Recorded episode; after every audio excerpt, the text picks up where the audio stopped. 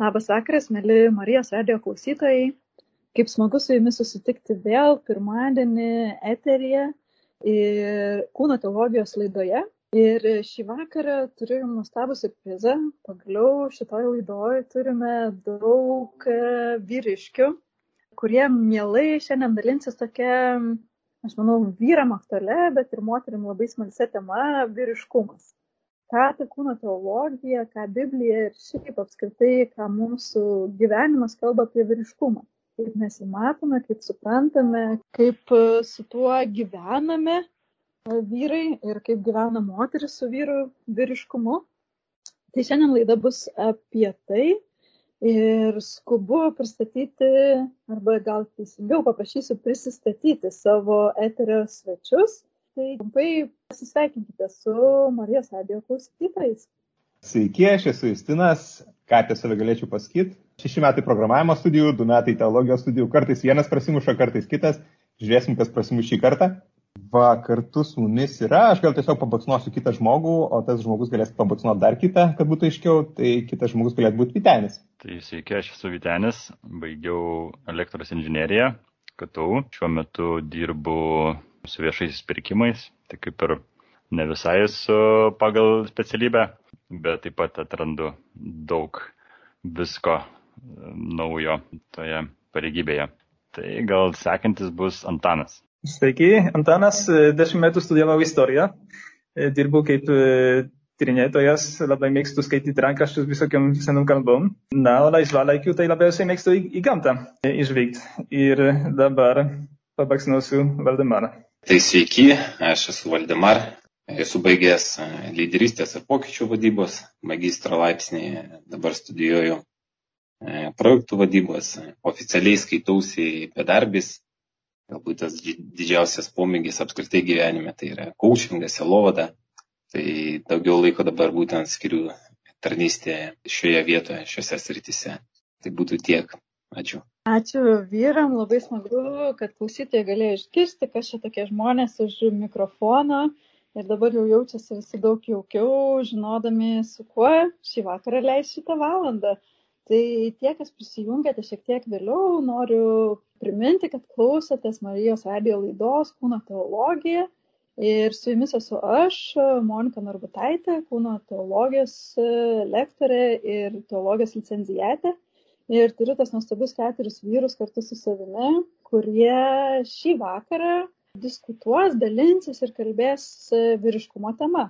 Tai gal ir pradėkime nuo pirmo klausimo, kuris toks būtų labai tradicinis, labai paprastas, bet to pačiu ir tikriausiai sudėtingas taip pat um, atsakyti, arba nežinau, ar turintis apskritai kokį vieną teisingą atsakymą. Tai mano klausimas jums, tai kas yra tas vyriškumas? Ką reiškia būti tuo nežinau vyru? Nes šiandien jeigu aš taip pat trumpai greitai įsijungiau google paskyrą tai čia labai taip paprastai apibrėžia kad vyras yra viso ko visuma. Ir ir ir mąstymo ir jausmų ir pasirinkimų ir tvirtumo ir stiprumo ir žodžiu super super herojus.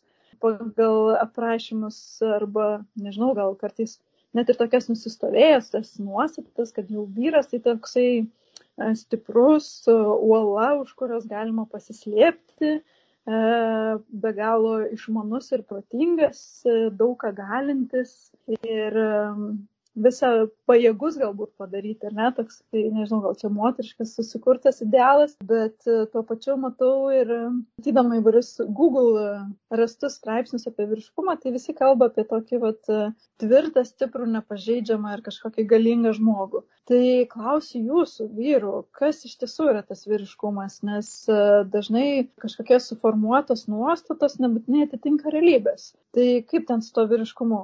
Gal Valdemarą paprašysiu pasidalinti pasidalinti ir pradėti, kas tau, Valdemar, yra tas vyras arba ką reiškia tau tas vyriškumas, ką tau asmeniškai reiškia būti tiesiog vat, Taip, tai aš tai asmeniškai kažkaip iš karto norėčiau kalbėti, kad nu, tas vyras e, visų pirma yra vaikas. E, ir tas vaikas nekieno kito kaip mūsų visagalio Dievo tėvo. E, nes iš tiesų kažkaip man atrodo, kad jeigu vyras nesijaučia savo širdyje vaikų, nežino, kas yra jų tėvas, tai tada tas vyriškumas ganėtinai toksai paviršutiniškas gali atrodyti. Tai o tas gyvenimas vis tiek vyras jaučia, kad už jo nugaros e, iš tiesų yra tėvas, tas e, mūsų dangiškasis tėvas, tas vyriškumas šiek tiek kitaip atsiskleidžia. Ir man atrodo, tas tikriausiai galbūt mano akimi žiūrintas yra sunkiausias momentas ir sunkiausias e, dalykas, tai va tapti iš tiesų to vaiku. O kaip pasireiškia tas vyriškumas kasdienybėje, tai aš galėčiau atsakyti, kad man atrodo, tai pirmiausia atsakomybės pareimimų už save, už savo veiksmus ir už kitus žmonės, už savo artimus, galbūt kažkur tais aplinkoje tai vat būtent sakyčiau tas vaikas ar atsakomybė mano akimi žiūrint. Justinai, gal galėtum papildyti arba, nežinau, pasakyti savo požiūrį, kaip tu supranti, ką reiškia būti tuo vyru šiandien arba kaip tu žinai, kad kaip tavo galbūt vyriškumas kleidžiasi šiandien. Šiaip tai labai patiko klausyti Monikos, kai jinai va išvardino tas savybės, kurias lyg ir turėtų turėti vyras, galvoju, klausau ir galvoju, kur aš tai girdėjau.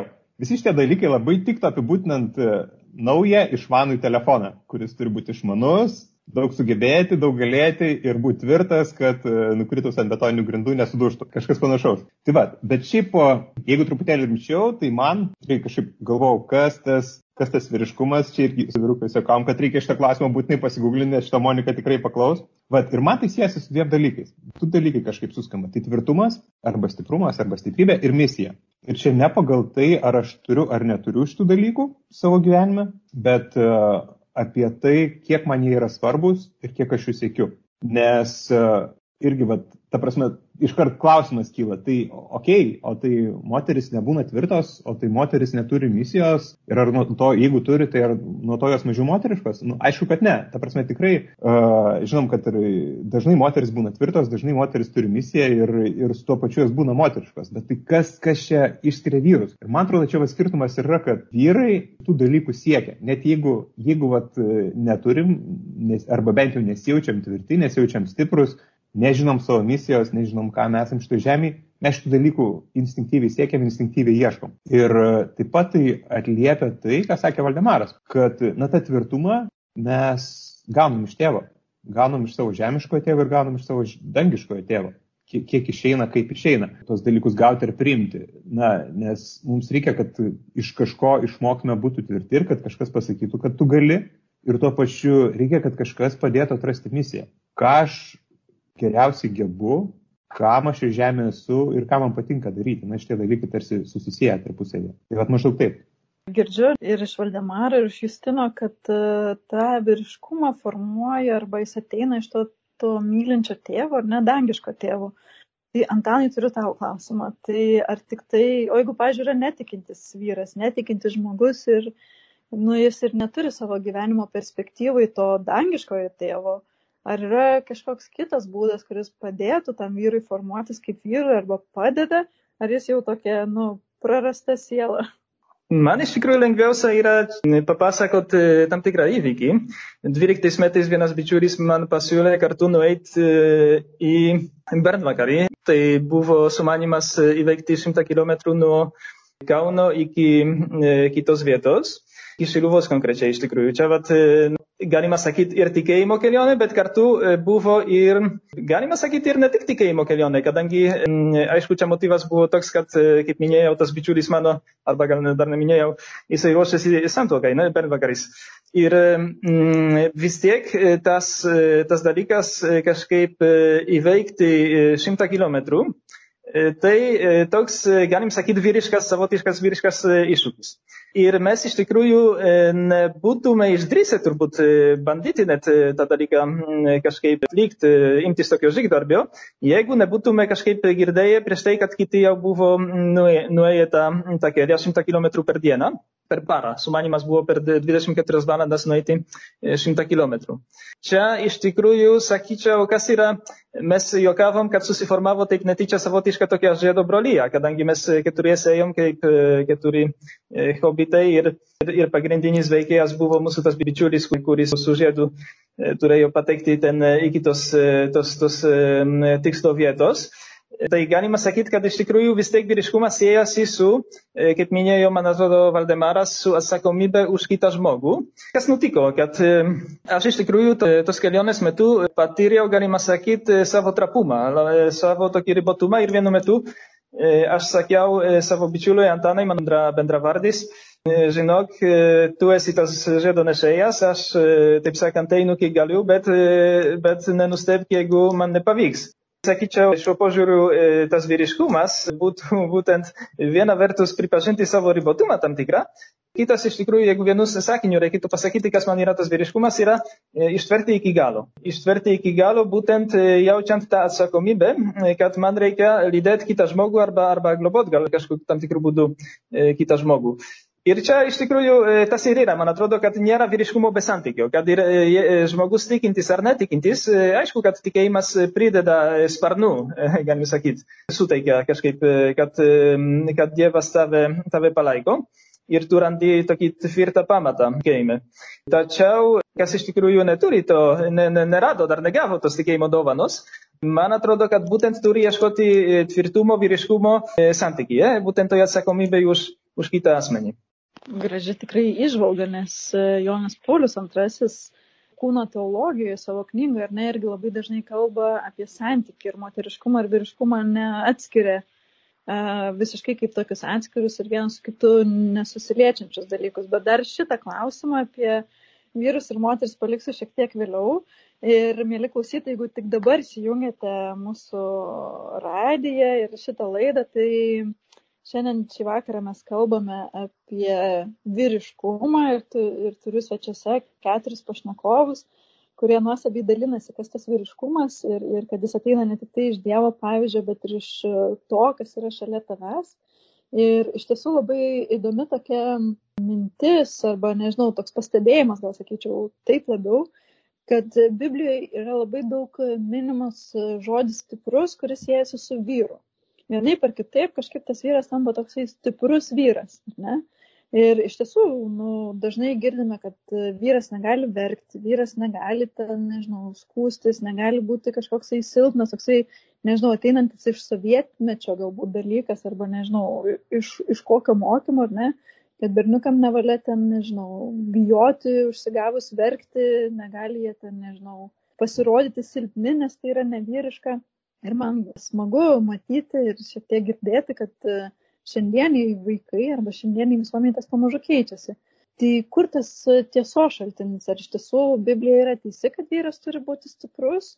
Ar ta stiprybė yra ta tokia suvokimas, kad vyras negali parodyti savo silpnumą ir savo jausmų? Ar kaip tik tas ta vyro stiprybė yra drąsoje parodyti, kad jis gali būti ir silpnas, Vitenė? Ar galėtum kažkaip ten išrišti šitą mano klausimą? Kažkaip čia gerai užklausė, nes kažkaip vat, į tą pusę ir linkau dabar mąstydamas kažkaip apie tą patį formavimas to vyriškumo. Tai šiaip jisai formuojasi, sakykime, nu, dar esant berniuku, penkių metų, šešių, vėliau dešimties, dvylikos, paauglystė visa ir panašiai. Labai daug iššūkių yra. Ir kas yra gražu, kad berniukas yra nu, mažas, dar, sakykime, nėra galbūt jisai tas atsakingas, ką kalbėjo vyrukai, neturi gal to dar tvirtumo ir panašiai, panašiai, bet šalia jo, nu, sakykime, tuo teigiamu atveju turėtų būti tėvas, tai yra kažkas, kažkoks, nu, tėvas arba kažkoks kitas jo pakaitalas, treneris, galbūt e, kuris ir apsimtų jo vyriškumo ugdymu. Tai yra parodytų jam, kas yra ta atsakomybė, kas yra tas tvirtumas, kas yra ta, tokia, kaip čia pasakyti, rizika, kokia rizika gali būti ir panašiai. Ir esmė tokia, kad e, tas silpnas berniukas, jisai visada turi tą, kaip čia pasakyti, backgroundą kad jeigu jam kažkas nepavyksta, jisai visada turi e, tą žmogų, kuris jį gali palaikyti, gali pastumti į priekį, pasakyti, kad viskas gerai. Čia nieko baisaus, kad, e, sakykim, pravirkai ar, ar kad nukritai, tu ir toliau esi tvirtas ir tau pavyks. Ir va tas užtikrinimas e, yra labai daug jaunam berniukui. Tai va, galbūt atsakant į tą klausimą, gali vyras ir verkti, gali ir ir būti susinervinęs, e, nepatenkintas e, kažkuo ir panašiai. Ir tai yra visiškai vyriška, nereiktų sakyti vyriška, tai yra žmogiška. Tačiau, nu, svarbu galbūt, kad jisai suprastų, kad e, taip jam nepavyko, taip man nepavyko, ar ne? Bet ką aš darau toliau. Ar aš toliau, sakykime, kampe verkiu ir, ir sakykime, ar tenai suklupęs e, vis dar klupiu, ar sakau, kad ne, palauk, palauk, palauk, palauk, tai suklupau, tai viskas varkoja, bet aš galiu dabar atsistoti ir, ir, ir pasižiūrėti drąsiai į akis tam, kuris galbūt mane pastumė, galbūt e, tam įvykiui, e, kuris mane sugniuždė ir panašiai. Ir tai yra visiškai normalu, visiškai sveika ir sveikintina. Tai suprantu, kad vyrai irgi yra žmonės, ar ne? ir jie lygiai taip pat gali turėti jausmus ir labai gražiai tu ten, labai patiko man tavo mintis apie tai, kad vyras suklumpa ir nelieka suklupęs, bet, ne, bet stojasi ir eina, ar ne? Ir ką ir Justinas sakė, susisieja su tą misiją, kad kad ir kas bet būtų, kad vyriškumas gal skleidžiasi arba ne, arba jis auga, kas kartą vis stojant ir siekiant tos savo misijos ir einant to savo keliu, kuris e, numatytas. Mhm, tikrai labai graži mintis, ačiū. Tai gal aš dabar grįšiu prie to klausimo, nes jaučiu, kad knieti man kaip moteriai, būnant tarp vyrų, klausantis jūsų apie vyriškumą, labai knieti e, prieiti prie temos ir apie moteris, e, švengiamos tokios ar ne? Nes Jonas Paulius II savo kūno teologijos vis pabrėžia, kad vyras ir moteris yra toksai kaip vienis arba viens kito papildymas ir kad tas moters moteriškumas arba vyro vyriškumas kleidžiasi jų santykyje, žvelgiant vienas į kitą, būnant vienas su kitu ir taip auginant save kaip vyrą ir moterį tam santykiai kaip jum gal galėtumėt pasidalinti, nežinau kuris, bet galėtumėt gal pasidalinti, ar tas moters buvimas šalia arba moters kaip kitokios e, egzistavimas, ar tas irgi kažkaip padeda jum pažinti save kaip vyrą, ar e, padeda, nežinau,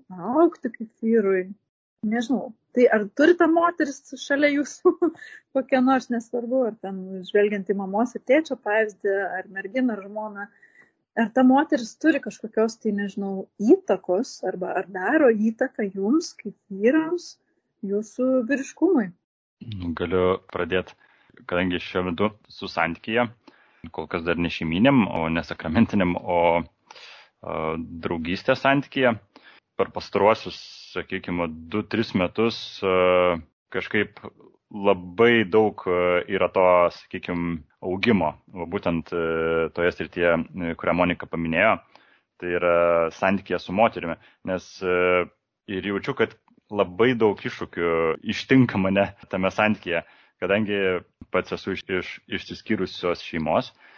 Mano tėvai skiria, kai man buvo 8 metai ir realiai nemačiau paauglystėje, vaikystėje tokio santykio, vyro ir moters santykio, kaip jie turėtų vienas su kitu bendrauti, kaip spręsti problemas, kaip pyktis netgi ir panašiai. Tai ir todėl jaučiu, kad e, šiuo metu turiu labai daug nu, tų iššūkių.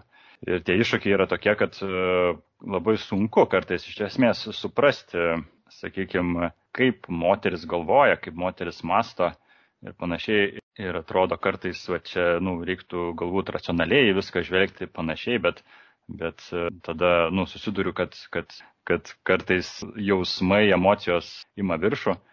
Atrodo, nu, tai palaukti, tvirtas vyras turėtų kažkaip vat, suvaldyti ir pats savo emocijas, ir suvaldyti moteris emocijas. Nu, truputėlį taip stereotipiškai aš gal žiūriu į, į tą santykį, bet tada tu supranti, kad tai ne, kad e, iš esmės, nu, kartais reikia tiesiog pabūti tą emociją, kartais reikia tiesiog e, ne, nekomentuoti galbūt tos emocijos ir panašiai, ir kad tai, tai yra, kaip sakant, žyganimas, e, o ne bandyti išspręsti visas tas problemas, kurios susidaro. Nors labai nori išspręsti, atrodo, nu tik čia, čia kaip paprasta, atrodo, paimsiu čia tą, tą, tą, čia padarysiu ir tiek. Suprantu, kad nu, lab, labai reikia to tokio prieimimo ir kito, kitokio žmogaus, vat, moters ir e, tokio galbūt savęs netgi to tokio ir atvirumo ir, ir kartu susiprastinimo.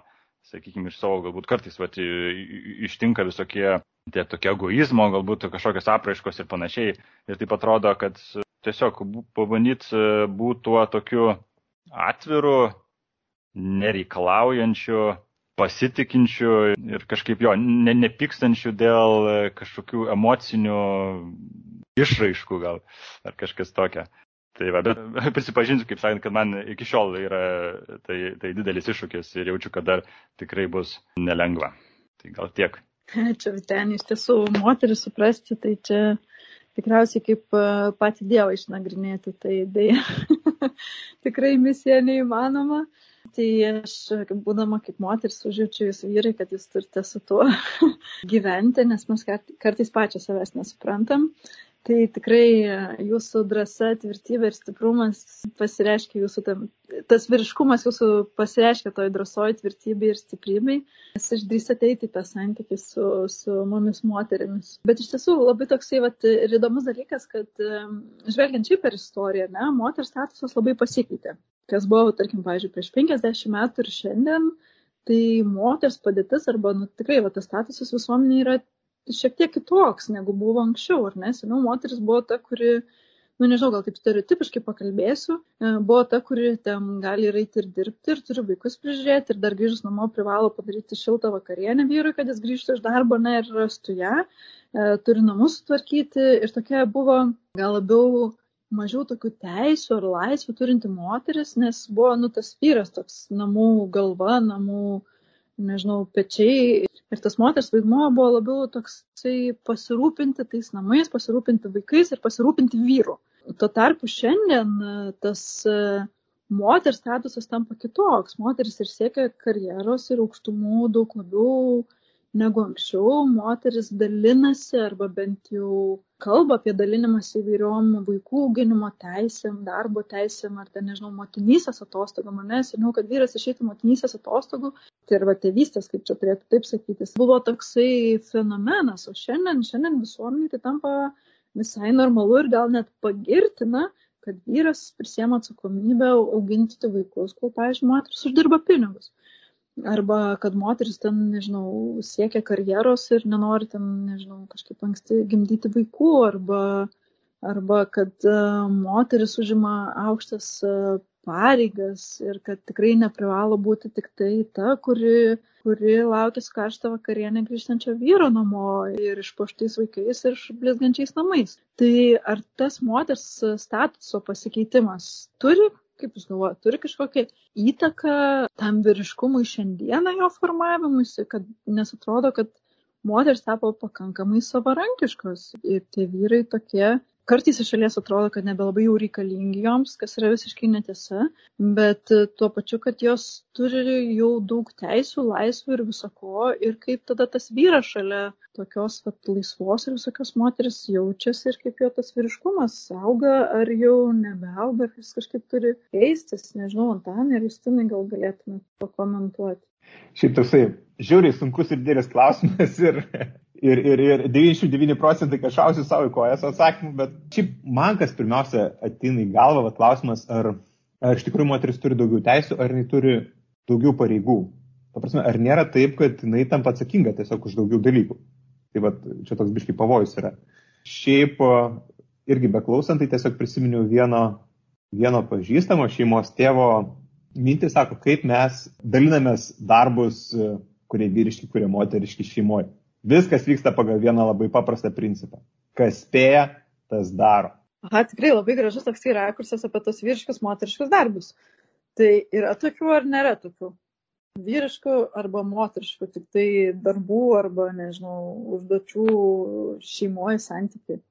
Nu vėlgi, jo, toks klausimas. E, aš tai manau, kad e, kiekviena šeima tai yra tam tikra prasme, nu, toks vis kitokia institucija tos taisyklės, kam kas lengviau, kaip kam labiau patinka, man atrodo, nu, čia kiekviena šeima e, nusprendžia pati, galbūt vienam lengviau ten, nežinau, gal grindys išsiurbti, o gal kitam indus išplauti. Man atrodo, žmonės tai pasirenka. O tai, kad e, irgi minėjai apie tą laisvę, kurią turi moteris, e, tai ir kaip panaudoja tą laisvę, taip ir vyrai, taipogi irgi turi tą visą laisvę. Tik tais klausimas, ką daro su tą laisvę, tai aš manau, kad tas vyras, kuris turi tą laisvę, jeigu jis tinkamai ją panaudoja, tai ir ta moteris kažkaip tais gal ir nori būti šalia tokio vyro. Tačiau man kaip taip iš šono žiūrint, dažniausiai ta, tie stereotipai dar, e, kurie dar ateina, mes čia turim būti kažkokie, kad vat, moteris turi būtinai pagaminti tą vakarienę. O kas ten žino, vat, pavyzdžiui, mano tarpe draugai, aš pats asmeniškai irgi stebiuosi, kad jie tiek mėgsta gaminti, kad aš galvoju, nu laiminga moteris, e, kuri bus, e, reiškia, šalia to vyro, jam kažkaip tai visiškai labai patinka ir tiesiog džiaugiasi. Sakau, man taip faina atrodytų, aš moku ir tą ir tą. Ir aš taip žiūriu, galvoju, viešpatė, nu tai matyt, aš dar kažką tai e, turiu suprasti, kad patiktų, bet, vat, tai man atrodo, čia vat, vėlgi, kiekvienas yra skirtingi ir man atrodo, tai yra dovana ir džiaugsmas, kad iš tiesų galim skleistis ir vat, tie vyrai gali prisimti atsakomybę už vaiką, pasimti tą mėnesį atostogų, galbūt metus atostogų, rūpintis. Ir tai pasidaro tam tikrą prasme taip normalu. Atrodo, pasižiūriu, o vienas, kitas, ir mes kažkaip tada tai augam. Ir aš tikėčiausi, kad viskas tai tikrai ves e, prie dar didesnės tos laisvės, e, kurią mes tinkamai panaudosim. Aš turbūt irgi įsiterpsiu dabar. Šiaip kažkaip beklausant porą tokių minčių kyla apie tą patį valgio gaminimą. Taip, dabar ir moteris, ir vyrai gali pasidaryti valgyti. Aš irgi moku pasidaryti valgyti. Bet yra tokių skirtumėlių, kad e, moteris turbūt niekada nevalgys virš kreuklės. Ar nevalgys iš puodo. Tai yra ta prasme, nu, bent jau man, mano toks įspūdis, ar kiek, kiek teko matyti paprastai, kai, kai moteris, arba, pavyzdžiui, kelios, pavyzdžiui, merginos, jeigu jos e, kartu vakarieniauja, tai greičiausiai bus gražiai užtiestas stalas, servetėlės ir panašiai ir panašiai. Gal dar gėlyčių paverkta. Vyrai, nu tai čipsai iš pakelio, o tai kas blogai? Taigi viskas gerai. Arba, pavyzdžiui, tas pats e, būsto įsireikimas, nu, pavyzdžiui, nu, gyvenu kaip gyvenu, nu, man atrodo gerai, man atrodo viskas gerai, dulkių per daug nėra, liktai viskas tvarkinga. Mergina kokia nors eina ir sako, kas čia per vyro urvas. Ta prasme, jokių paveikslėlių, jokių gėlių, jokių servetėlių, steltėsėlių, nieko nėra. Ta prasme, kaip taip galima gyventi. Nu, bet viskas veikia. Ir čia galbūt ir yra tas vat, esminis vyriškas žodis veikia. Nu, taigi suveikia, nepasiginčiasi o moteris, moteris įneša jaukumą. Jeigu vyras stato namą, moteris tą namą padaro namais. Tai girdžiu ir labai net pamalonina širdį, kad, nu, bet jums vyrai vis tik gerai su tom moterim. Ir visai tam vyriškumai jis nekenkia, bet e, padeda, tai gera girdėti. Jeigu dabar va tik tai įsijungiate radiją, tai vis dar kreipiuosi tos mūsų klausytojus, tai jūs esate kūno teologijos laidoj Ir mes e, su keturiais vyrukais e, šiandien kalbame vyriškumo tema.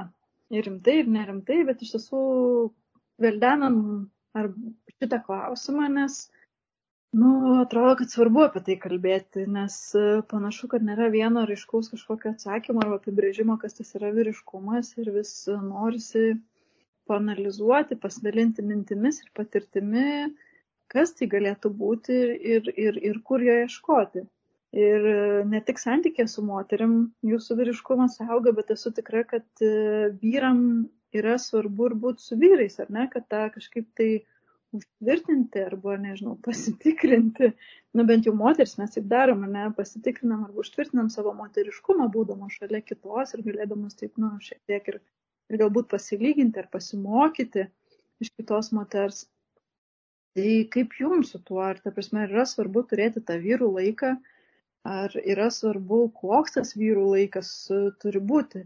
Ir gal dar tokį praplėsiu tą klausimą, e, ar yra skirtumas būti vyru ir vyrų kataliku. Ar yra kažkoks tai skirtumas jūsų ten vyriškumai, kai tu esi tikintis, nes kiek žinau, jūs esi tikintis ar ne žmonės, ar yra svarbu būti, ar yra kažkoks skirtumas tame vyriškume tiesiog šiaip eilinio vyro ir tikinčio vyro.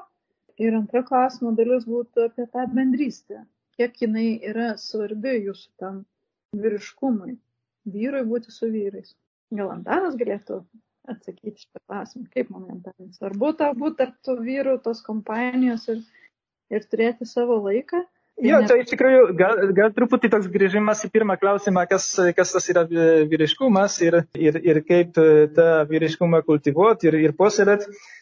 Man iš tikrųjų, vat, besiklausant ir apie, ir apie prasme, čia kažkaip buvo ir apie, apie moters galbūt vaidmenį, prisiminiau vieną tokią gražią istoriją, kurią pasakoja Viktoras Franklas savo knygoje Žmogus ieško prasmės. Ten iš tikrųjų labai daug tokių auksinių, galima pasakyti, tok, nu, perliukų tokių iš tikrųjų labai gražių minčių.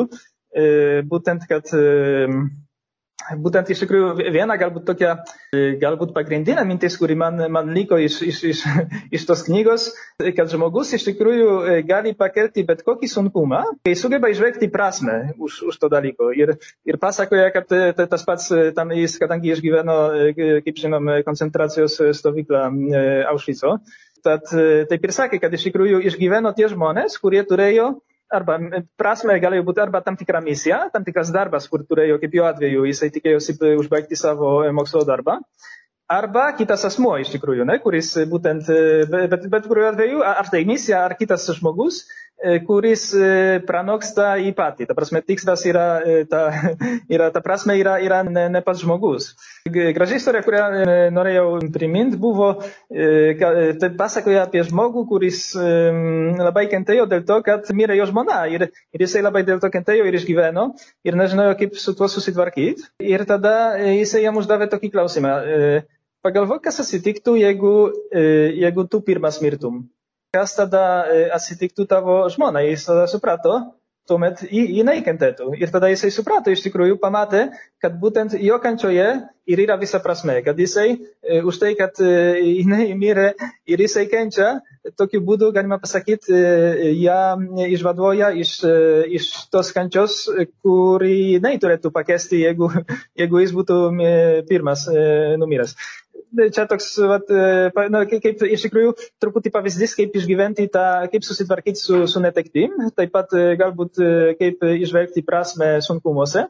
O ta vyrų bendrystė iš tikrųjų ir yra tas dalykas, kad, kad būtent mes vienas kitam kažkaip galim padėti, vienas kitą kažkaip orientuoti, būtent atrasti prasme kiekvienam sunkume, būtent ypač galbūt krizinėse situacijose tam tikrose, bet ir aišku, ir, ir nebūtinai. Tad ypač man atrodo, tas yra svarbu, kada, kada išgyvenam tam tikrus sunkumus. Aš žinau, kad jūs esate, ar kaip čia, priklausote kažkokiai bendrai grupiai visi keturi ir kurite kažkokį bendrą vyrų, kaip pavadinti, bet esate vienos maldos grupės nariai, ar ne, arba ar, vyro grupės, gal galite papasakoti daugiau, kas čia per grupė ir, ir ką jie jums duoda gyvenime. Vitenį, gal tu galėtum. Čia dar gal svaršiau apie tą tavo pirmąjį užduotą klausimą, koks yra tas skirtumas buvimo katalikų vyrų ir, ir to pasauliečių vyrų.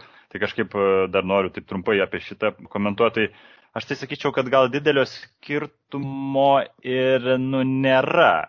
Nes, nu, ta prasme, tikrai daug pažįstu vyrų, ne iš katalikiško tarpo, kurie gyvena, atrodo, prasmingą gyvenimą, panašiai. Ir, ir man tas yra, iš tikrųjų, aš net e, tikrai dažnai mokausi iš kai kurių tų vyrų, nes, nu, sakyčiau, gal čia gal reiktų skirti labiau į ką žmogus pats tas vyras orientuotas.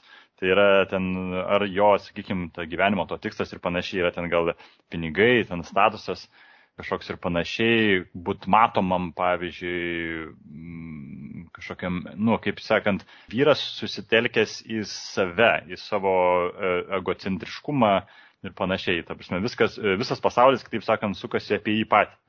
Ir kita grupė vyrų tai yra tie, kurie orientuoti į, sakykime, išorę, į tą pridėtinę vertę, sakyčiau, pasaulyje, galbūt e, kitiems žmonėms, kurie daro galbūt kažkokius gerus darbus ir panašiai. Ir tai, nu, ne, ne, neprivalu, tai, tai, tai būtent katalikui vyrui, e, bet tikrai yra daug, daug vyrų, kurie tikrai deda didelės pasangas ir panašiai. Ir dar vienas iš dalykų, sakyčiau, kas nu, yra toks teigiamas, tai yra e, ta tėvystė. Tėvystė, lyderystė ir panašiai. Ne tik e, ta, sakykime, paprasta, kaip čia pasakyti, ta, ta tiesioginė reikšmė, kad tėvystė tai yra vaikų auginimas ir panašiai, kas yra labai svarbus šiaip, šiaip vyro, manau, gyvenime, bet yra ir ta tokia tėvystė, lyderystė savo aplinkoje. Tai yra, e, o, o ta tarnystė tai yra, tai nėra, sakykime, orientavimas į save, o tai yra orientavimasis į kitą asmenį, į šalia esantį, į jo galbūt poreikius, į jo augimą ir panašiai. Ir aš galvoju, kad va, tas yra galbūt e, ir atrodo, kad e, va, pagrindinis e, tikslas to vyro tai ir turėtų galbūt ta tokia jo misija tarnauti žmonijai, pridėtinę vertę, kurti pasauliui ir panašiai. Ir mes kažkaip vat, su ta intencija, kad patys galėtume aukti ir kartu auginti vienas kitą. Per vieną renginį kažkaip susirinkom, atsimenu, prie stalo, vakarienę berots, ir pradėjom kalbėtis ir išsivystė toks pokalbis, kad nu, reikia, vat, reikia kažkokio tokio vat, susitikimo, susitikimų, periodiškų susitikimų, kuriuose galėtume kalbėtis, kalbėtis, melstis, tai auginti vieni kitus.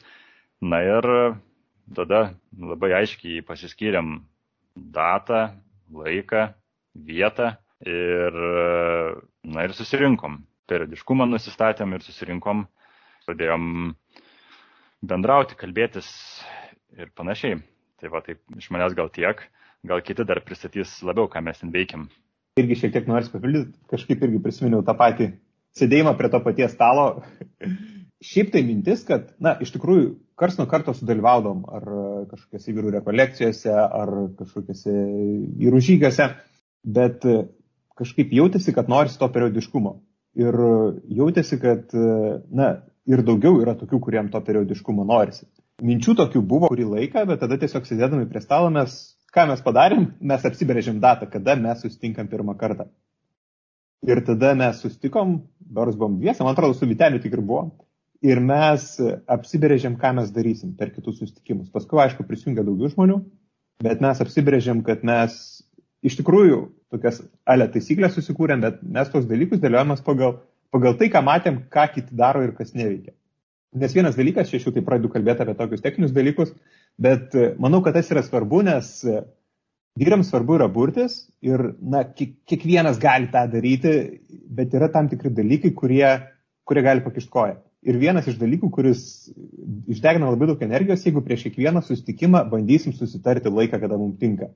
Ir mes tiesiog susitarėm, kad tuo pačiu laiku kas dvi savaitės. Ir tai buvo nei per dažnai, nei per retai. Ir kažkaip tas visai pasteisino. Ir mes primetėm, ką mes darom, kad valandą laiko mes pasidarom lekciją diviną, tai yra pasiskaitom Evangelijos skaitinį ir pasidalinam, ką mums Dievo žodis sako. Tai yra, turim maldos laiką ir tokį, na, Dievo klausimo laiką. Ir kitas, kitą valandą mes tiesiog irgi pasimdom kažkokią knygą, pavyzdžiui, jo vyro kelionė pirma buvo, paskui septynis sėkmės lygimų žmonių įpročiai, paskui kūno teologija. Ir mes skaitydavom, namie, namie pasiskaitydavom ir paskui ateidom ir va diskutuodom apie, apie skyrių ar kelis ir panašiai, apie kažkokį gabaliuką. Ir čia irgi kitas svarbus dalykas, kad mes neskaitom kartu, mes ateinam jau pasidarę namų darbą. Tai yra, jau ateinam su kažkokia mintim. Tokie atrodo paprasti dalykai, bet šitie, na, panašu, kad daug išvežė, kad būtų maldos laikas, kad vat, būtų pasidalinimo laikas, kad būtų tas vat, periodiškumas.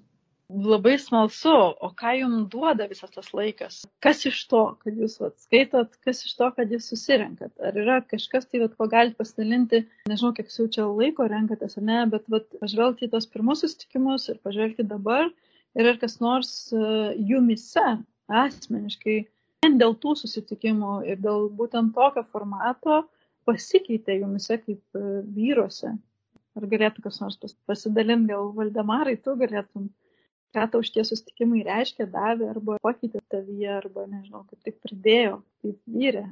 Nu, atsakydamas į šitą klausimą, apskritai turėčiau gal tada bendrai, ką, ką, man davė e, buvimo su vyrais, nes prie šitos grupelės konkrečiai aš prisijungiau tiek, e, tik prieš pusmetį, tai negaliu pasakyti, kaip buvo tie pirmie susitikimai, bet kai pasijungiau, tai galiu pasakyti, kaip dabar. E, apskritai ta bendrystė ir tie pokalbiai, kai iš tiesų gali išgirsti panašias problemas, e, maždaug ten, kur esam, išgyvenam labai panašius dalykus ir tada jautiesi, kad šitoj kelionėje viena per kitaip, nu, nesijauti vienas. E, kažkas gali pasidalinti, kad būtent kažkokia mintim, kurios tuo metu tau labai reikia. Ir va taip palengva, palengva šito bendrystėje aš tai jaučiu vis didesnį ir atvirumą būnant su vyrais, nes nepaslaptys, kad labai dažnai mes vyrai bijom ypatingai atsiverti vyrų grupelėse, galbūt ten ieškom kokios nors moters, kad atsiverti, kad ten viską išpasakoti, visą savo gyvenimą. O irgi būna per sunku, kaip irgi prieš tai minėjai, kad e, ten irgi atskiras pasaulis, e, kurį irgi vyramas kaip tik kartais reikia dažniau suprasti negu, negu atvirkščiai. Tai va šita tokia terpė, kur iš tiesų galim atvirai dalintis, kalbėtis, kur esame, kas vyksta mūsų gyvenime, kartais net maldos gal paprašyti vienas už kitą. Kitas dalykas, aišku, labai tas, kad skaitom knygą. Ir vat kartu tą knygą, kaip tik dabar skaitom kūno teologiją pradedantiesiems, kas yra iš tiesų galima pasisemti ir pasidalinti irgi savo išvalgom, panagrinėti, kaip mums tai kalba. Nu, vat, Ir tada aš, aš asmeniškai išgyvenu tokį visapusišką augimą. Vienas dalykas, kaip jau minėjau, tame atvirume, kitas dalykas, kad e, ir tos žinios, ir netgi, gal net labiau pasakyčiau, tam, tam tikri kitokie įsitikinimai arba tam tikros tiesos, kurios galbūt man dar nepatinka, bet ypatingai skaitant kūno teologiją pradedantiesiems ir tas bandymas suvokti, tada kaip Dievė kėja, kaip čia maždaug atitikti tuos, e, ką rašo autoris šitoj knygoje. Tai ir tas labai stipriai augina, plečia visokiojopai. Tai asmeniškai galėčiau atsakyti taip į šitą klausimą. Tai toks natūraliai kyla klausimas, ar čia kažkokia yra galimybė prisijungti prie jūsų grupės. Marijos radio klausytojai sakytų, vyrai sakytų, o, kokia gera idėja. Mes irgi norim aukti kartu, studijuoti kūno teologiją ir ne tik čia klausyti laidų, bet norim įžengti į tą vyrų pasaulį ir kartu būti. Tai ar yra kažkokia galimybė prisijungti prie jūsų, arba yra čia, nežinau, galbūt kažkoks judėjimas, kur parapijose žmonės ten daro tas vyrų grupės, tai gal galite pasidalinti, jeigu yra smalsiųjų, kuriem būtų įdomu irgi tai patirti. Jo, aš kažkaip prisiminiau, kai mes patys pačioj pradžioj bandėm irgi prisitrinti prie vienos vyrų grupės, kurie ten kažkokią medžiagą turėjo, jie ten studijavo, nagrinėjos ir panašiai. Ir, taip, žmogus, kuris, kuris ten koordinavo, sako, labai paprastai sako, nu taigi, va, imkite patys ir burkitės, duosiu šimtą medžiagą, žodžiu, tvarkykitės. Na, nu, aišku, gavus taip, kad mes tos medžiagos paskui taip ir nepasėmėm, bet nesmė. Bet kas, kas, manau, yra svarbu, tai čia kaip kažkas išsireiškia, kaip sukurti gerą grupę. Jeigu nori sukurti gerą grupę, susikvieti savo draugus ir tada mokai juos, mokai juos groti. Nu, ta prasme, svarbiausia yra kas, kas tokie. Ir todėl, ta prasme, norint tiesiog ieškant maldos grupelės, vienas iš geriausių turbūt variantų yra tiesiog suburti savo draugus jie. Nes kai jau yra santykis kažkoks, tada viskas, viskas auga natūraliau daug. Ir kitas dalykas, na, jeigu ieško vyriškos bendrystės ir panašiai, tai galima atrasti ir susipažinti daugiau per, per, per vyriškus žygius, per vyriškus, vyriškas rekolekcijas, kitus panašius renginius. Na, dabar per karantiną gal kažkas kažkaip prigeso, bet, bet vis tiek manau, kad gal, galbūt online netgi vat, kažkas persikėlė ir online galbūt netgi drąsiau kažkur įsijungti. Ačiū už paraginimą, ne, kad iš tiesų kiekvienas galime kurti ir kad vyras turi ten tą jau savo misiją ir galėtų viena iš misijos, iš misijos e, dalių būti ir net tiesiog suburti savo draugus, vyrus ir susikurti tą savo maldos grupę iš žmonių, kuriuos jau pažįstate.